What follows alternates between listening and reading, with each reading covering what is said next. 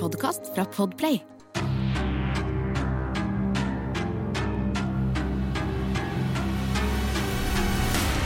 Hei og velkommen til Forsyningsfredag podcast.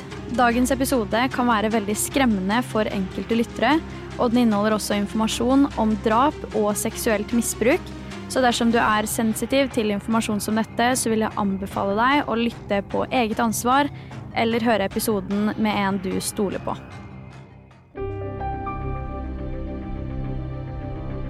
Drapet på Ronald Ramm i 1995 er en av Norges største uløste drapssaker. Da jeg først begynte å interessere meg for draps- og forsyningssaker for mange år siden, så var dette her faktisk en av de sakene jeg ble introdusert for først.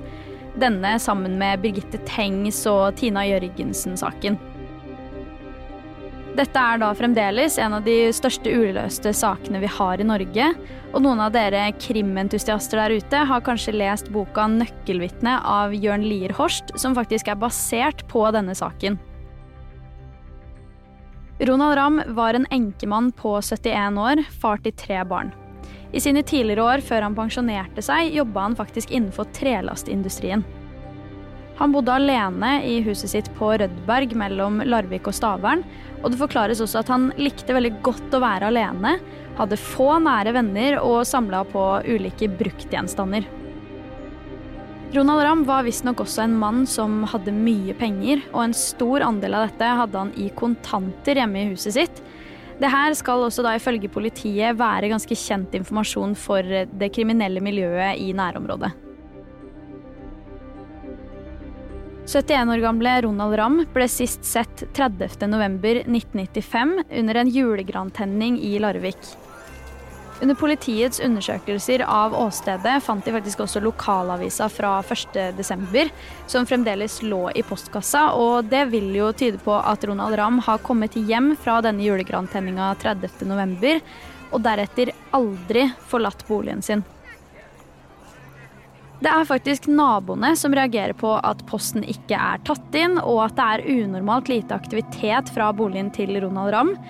Dette resulterer da i at de varsler familien, og en uke senere, 8.12.1995, er dagen familien drar hjem til Ronald for å sjekke hva som foregår. Idet datteren går inn i boligen, blir hun møtt av det som skulle vise seg å være et brutalt åsted. Datteren Rigmor Waldvogel har uttalt følgende. Det var jeg som fant han. Jeg ble sjokka og løp til naboen for å få hjelp. I yttergangen er det blodspor flere steder, og politiet mener at det her kan tyde på at det har vært en kamp om liv og død. Deler av huset er også totalt endevendt, og nede i kjelleren finner vi katten til Ronald Ramm, brutalt drept. Ronald Ramm blir funnet bundet fast på gulvet over en rosesaks og har fått minst 18 slag mot hodet. Dette hadde vært en brutal kamp fra rom til rom, som til slutt endte opp i yttergangen.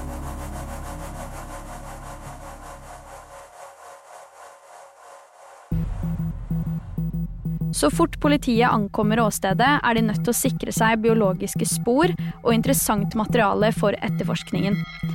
Det som skiller seg ut i Ronald Ramm-saken, er at politiet faktisk klarte å samle alle biologiske spor i sin tid. Fordi det var en kjent greie på den tiden her at det ikke var det politiet gjorde. De var ofte lite sterile på åsted osv. Men i Ronald Ramm-saken fikk de sikra seg mange biologiske spor og materialer og gjenstander som kunne bidra til å få politiet videre i etterforskningen. I mai 1996 foretar politiet en dør-til-dør-aksjon hvor de tar blodprøver og hårprøver av 300 personer, samt avhører 400 personer. Det første biologiske sporet politiet fanger opp, er et skoavtrykk, samt det Åsted Norge beskriver som flere uidentifiserbare fingeravtrykk. I tillegg til disse avtrykkene fant politiet sekret på kroppen til Ram men det er uvisst hvorvidt samleie som forekom, var frivillig eller ikke. At politiet fant dette, gjorde for øvrig også at de hadde muligheten til å skaffe seg en delvis DNA-profil, som på tidspunktet utelukket hele 400 mennesker fra etterforskningen.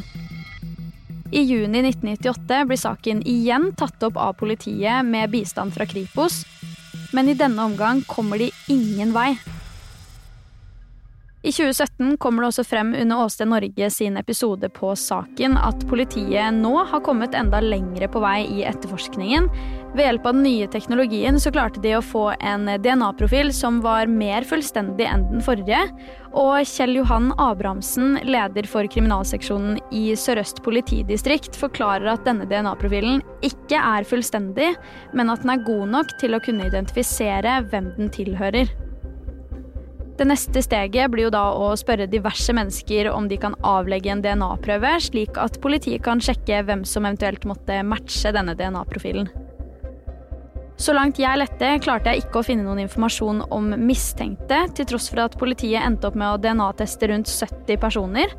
Men ingen av disse testene har gitt eh, politiet noen videre svar. Men de fikk, og får kanskje til og med fremdeles, inn tips til stadighet. Så det er muligheter for at politiet kan komme videre i saken dersom det rette tipset dukker opp. I denne saken har det kun vært én person som har blitt sikta, men det viste seg at det var feil, og denne mannen endte også opp med å få erstatning. Men hvem er det da som får seg til å ta livet av en 71 år gammel mann, og hva i alle dager kan motivet være? Vi hopper inn i teoriene om drapet på Ronald Ramm.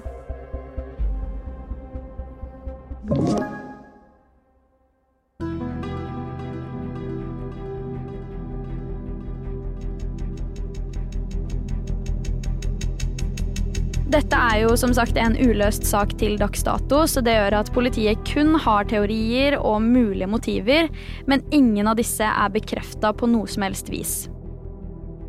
Tre måneder før drapet går Ronald Ramm til anskaffelse av en hagle som han oppbevarer ved senga si, og politiet mener at dette kan ha en sammenheng med at han følte seg trua på et eller annet vis på tidspunktet.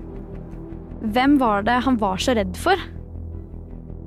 Som jeg så vidt var inne på tidligere, så var det en kjent sak i det kriminelle miljøet at Ronald Ramm satt på mye penger som han oppbevarte hjemme.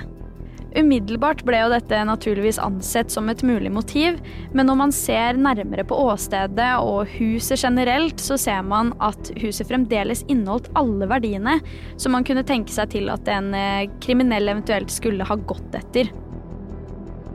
Ronald Ramm hadde nemlig en safe stående som inneholdt 110 000 norske kroner.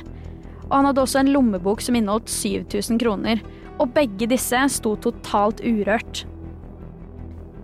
Det manglet heller ingen andre ting fra leiligheten annet enn husnøkkelen.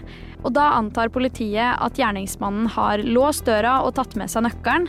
Men hvorfor skulle han tatt med seg denne?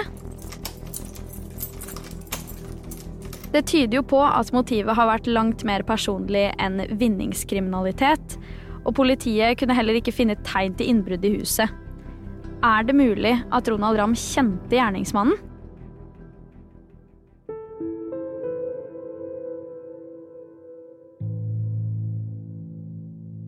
I 1960, 35 år før drapet, ble Ronald Ramm dømt for seksuelt misbruk av en mindreårig jente, og ble også beskrevet som en mann veldig opptatt av sex, spesielt i sine siste år. Denne teorien baserer seg rett og slett på at politiet mener det kan være grunn til å tro at drapet var motivert av hevn. Hadde Ram kanskje blitt trua på livet pga. fortiden sin? Dette er en sak som fremdeles står uløst den dag i dag. Vi må jo bare håpe at saken blir løst etter hvert, og at det kommer inn nye spor, og at man kan finne ut hvem det er som tok livet av 71 år gamle Ronald Ramm.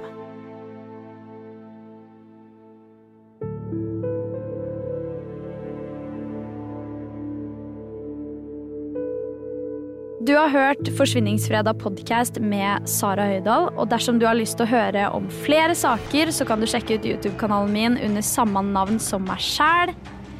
Uansett så kommer det en helt ny Forsvinningsfredag podcast allerede neste uke. Og i mellomtiden, ta vare på deg selv. Du har hørt en podkast fra Podplay.